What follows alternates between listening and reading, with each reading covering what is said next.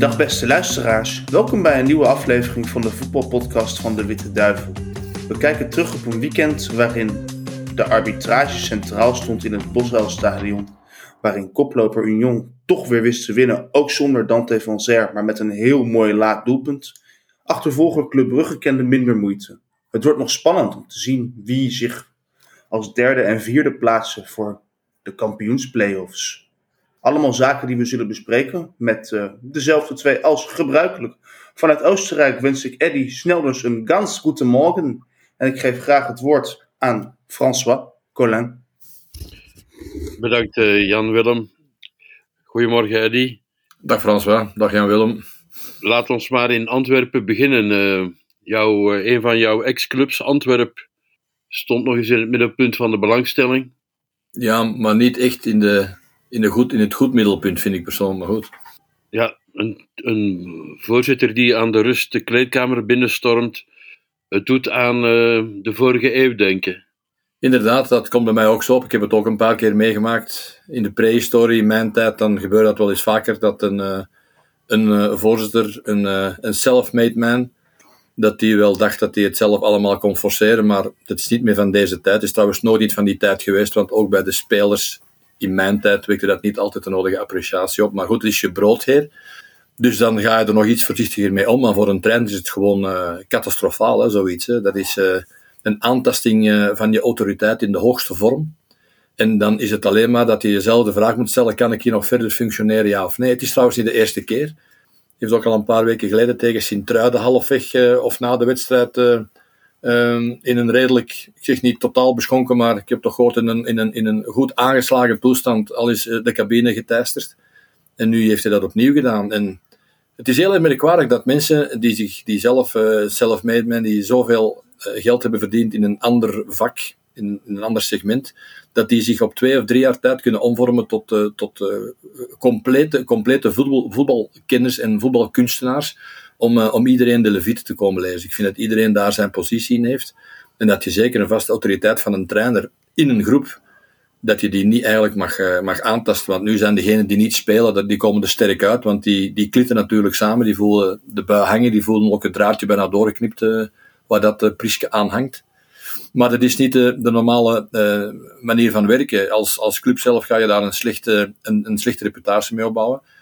Maar een oligarch of een, of een, of een, of een, of een rijke weldoener, ja, die stoort zich daar blijkbaar niet aan. Die uh, heeft zijn eigen wetten. En dat merken we niet alleen bij Antwerpen, maar dat merken we in het, uh, aan het algemene leven wel wat zo. Ja. ja, wat mij vooral stoort, en ik heb de, de, wedstrijd op televisie gezien, is dat je tijdens de eerste helft uh, Gijsens met een glas champagne of zo in de hand ziet staan kletsen.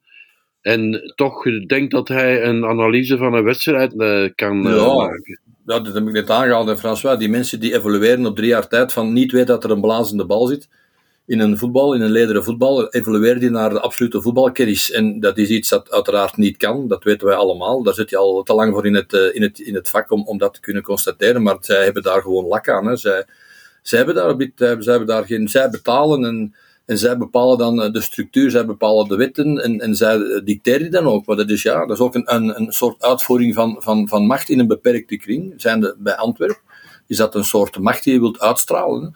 En natuurlijk, uh, Gijs heeft ook al goede zaken gedaan, heeft Antwerpen uit de slop gehaald, heeft heel zwaar geïnvesteerd. Ik begrijp dat allemaal wel. Het loopt niet echt zoals hij wil. Uh, hij wil op twee jaar tijd willen kampioen spelen, dus hij is wat onrustig.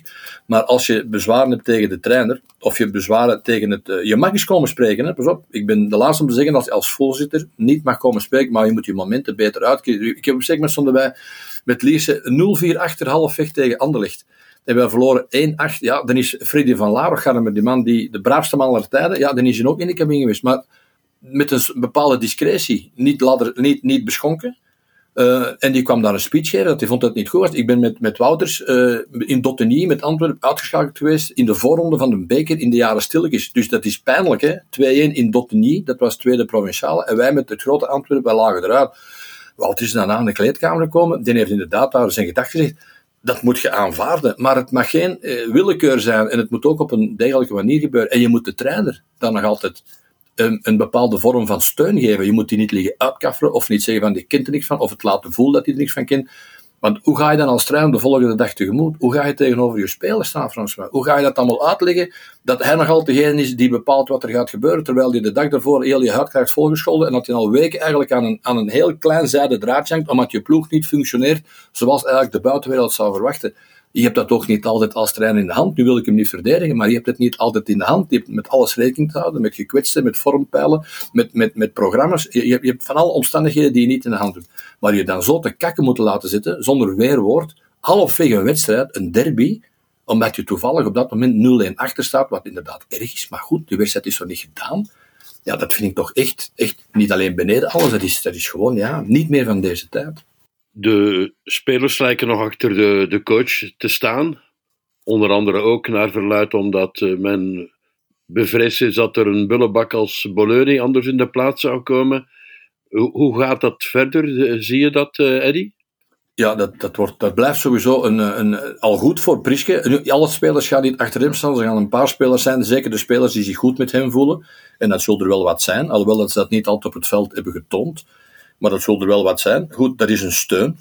Maar je moet natuurlijk niet verder met, met, met negen spelers. Hè. Je moet wel verder met twintig spelers. En er zijn altijd een deel spelers, zeker degenen die niet veel spelen, of die al een paar keren misschien door Prischken ook de Levite zijn gelezen, terecht of onterecht ja, die gaan daar niet, die komen hun steun niet, niet uitspreken. Hè. Dat worden dus tegenstanders en die hebben alleen maar graag dat het nog slechter gaat, want dan hebben zij misschien een kans om te kunnen spelen. Dus dat wordt een moeilijke, een moeilijke gegeven. Je hebt alles voor onder de voeten van Priske weggemaaid. En nu moet Priske gaan trachten van iedereen in die maand te motiveren dat er nog resultaten gaan komen. Ja, je weet dat dat twee tegenstrijdig zijn. Plus je ploeg, ja, anders krijg je die situatie. Plus je ploeg zit niet in zijn beste periode. Dus dat wordt een moeilijk gegeven. Zelfs die vier wedstrijden, het, het, het, het, het harken om, om die play-off 1 nog te halen, dat, dat, dat gaat moeten gebeuren. En, en ik ben nu benieuwd dat het inderdaad zo is, zoals ze één of twee spelers uh, voor de camera zijn komen vertellen. Zijn er van, wij steunen de trainer. Goed, oké. Dan zullen we dat in de volgende wedstrijden zeker moeten zien. Ik denk dat het nog maar één wedstrijd van een ontslag vanaf is. Ook al is ze de omstandigheid om te ontslagen misschien niet optimaal, maar je kan ook denken van ik moet het nu doen, want ik heb nog drie wedstrijden en dan heb ik een kleine rustperiode en dan beginnen we aan die play-offs en dan moeten we er staan. Dus ja, dat speelt allemaal mee in een overweging uh, van bijvoorbeeld Gijs, maar voor Prisch is het zeker een vast. Uh, het was al heel moeilijk en het publiek in Antwerpen is al een heel moeilijk publiek. Dat heb ik zelf ook kunnen ondervinden en hij ondervindt dat nu ook. Ja, om daar te blijven functioneren, optimaal te blijven functioneren, dat is al niet meer het geval. Maar het is maar een kwestie van hoe gaat hij het nog verder kunnen uitzetten. Dat is een groot vraagteken. Hij kan, hij kan natuurlijk uh, rekenen op die, die, die paar spelers die hem steunen. Maar ik weet niet of dat voldoende zal zijn om, uh, om het allemaal nog een goede baan te krijgen. Jan Willem gaf het al aan, er was weer heel wat te doen om de arbitrage. En dat was dan ook vooral in de Antwerpse derby het geval. Hoe bekijk jij?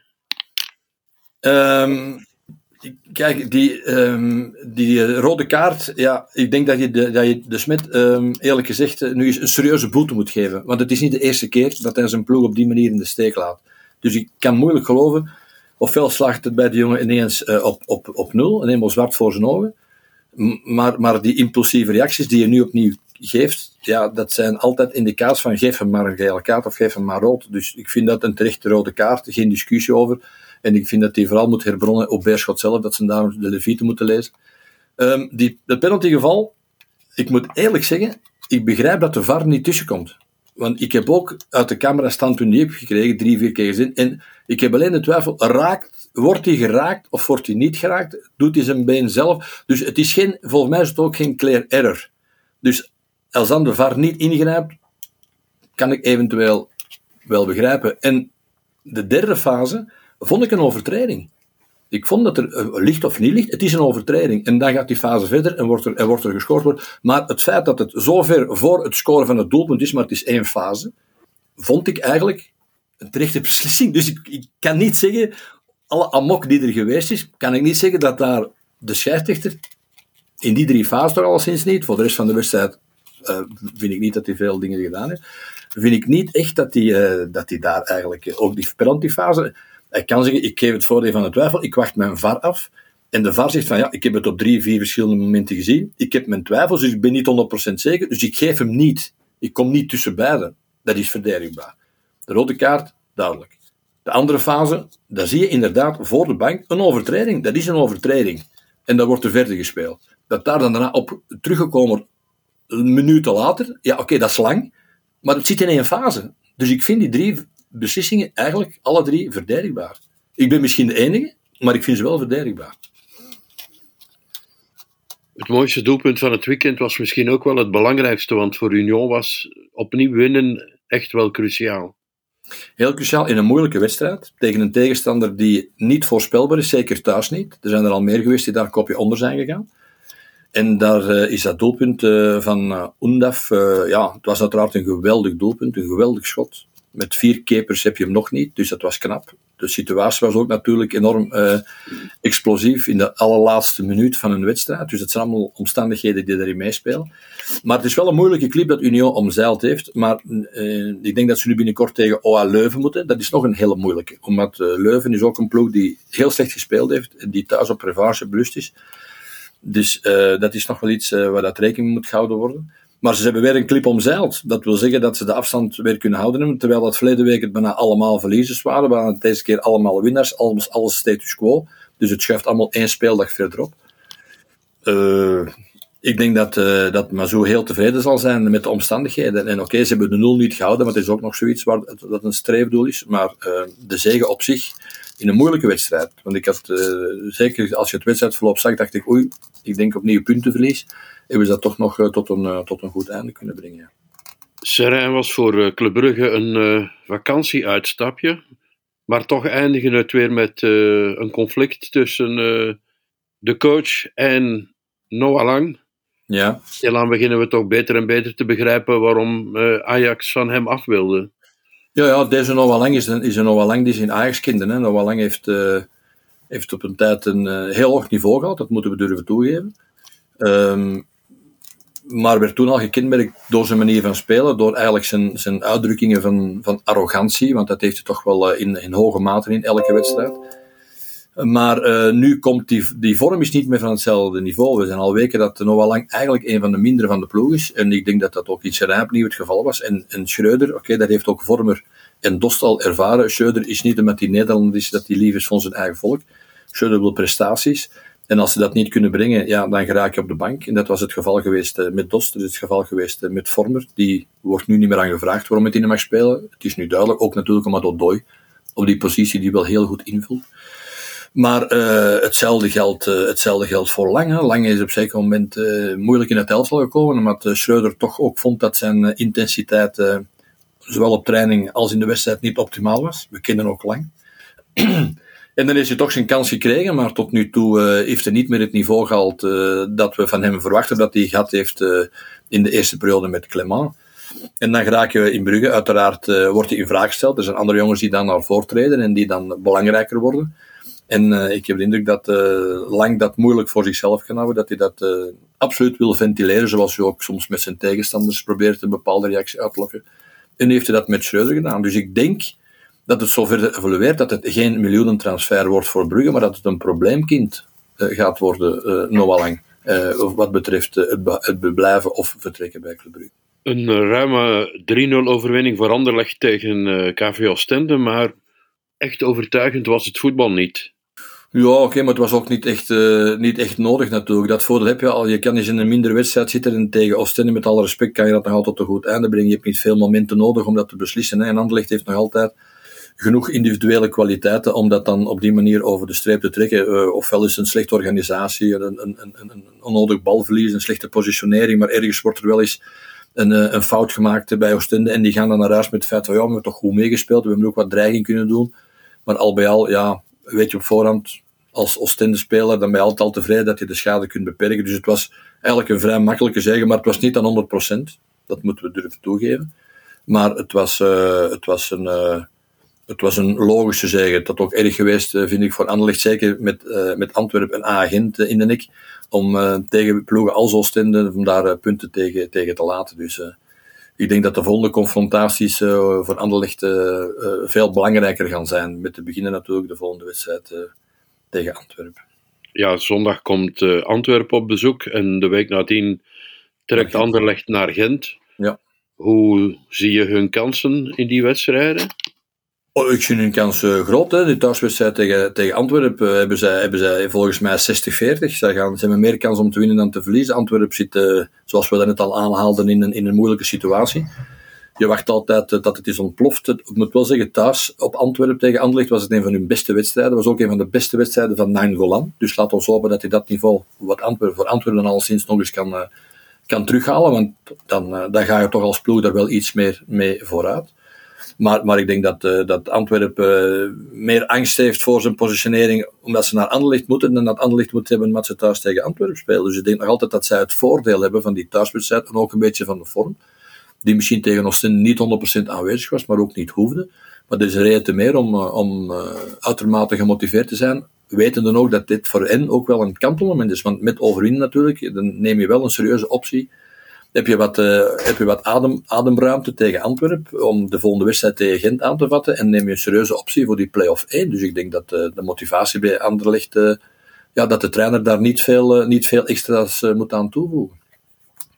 Ah, Gent won in de allerlaatste minuut van de toegevoegde tijd tegen uh,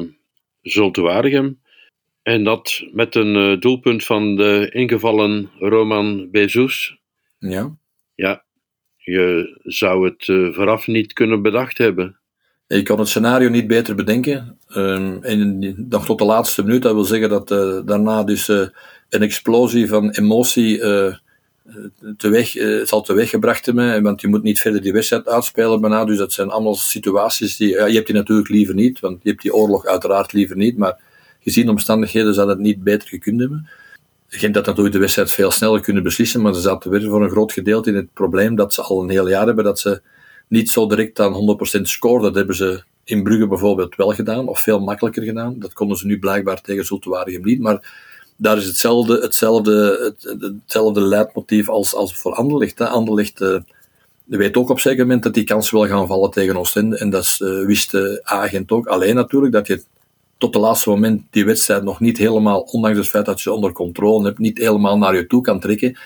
Ja, dat was natuurlijk iets dat misschien minder ingecalculeerd was. Vandaar ook de grote explosie dat het één Bezoes was en twee natuurlijk ook het doelpunt van de overwinning was dat zo het geheel in de Gelamco uiteraard dan uh, compleet maakte. Maar ik denk dat Gent blijft en is de grootste challenger. Is ook de ploeg die, vind ik ook op dit moment het meeste aanspraak maakt. Want als je de prestaties van Gent en vooral van Antwerpen naast elkaar legt het hele jaar door, ja, dan moet je toch durven constateren dat Gent eigenlijk meer aanspraak maakt op die play-off 1 dan Antwerpen.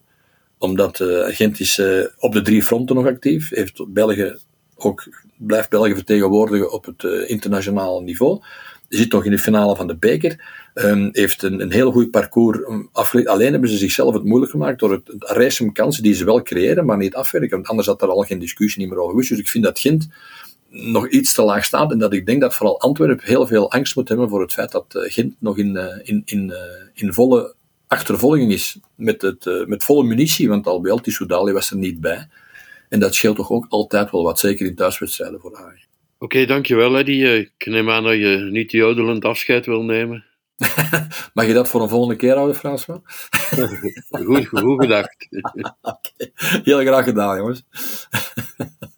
Ook zonder jodelen nemen wij afscheid van Eddy, van François en van u. We willen u graag danken voor uw aandacht bij het luisteren naar deze aflevering en hopen u volgende week opnieuw te mogen begroeten. Tot ziens!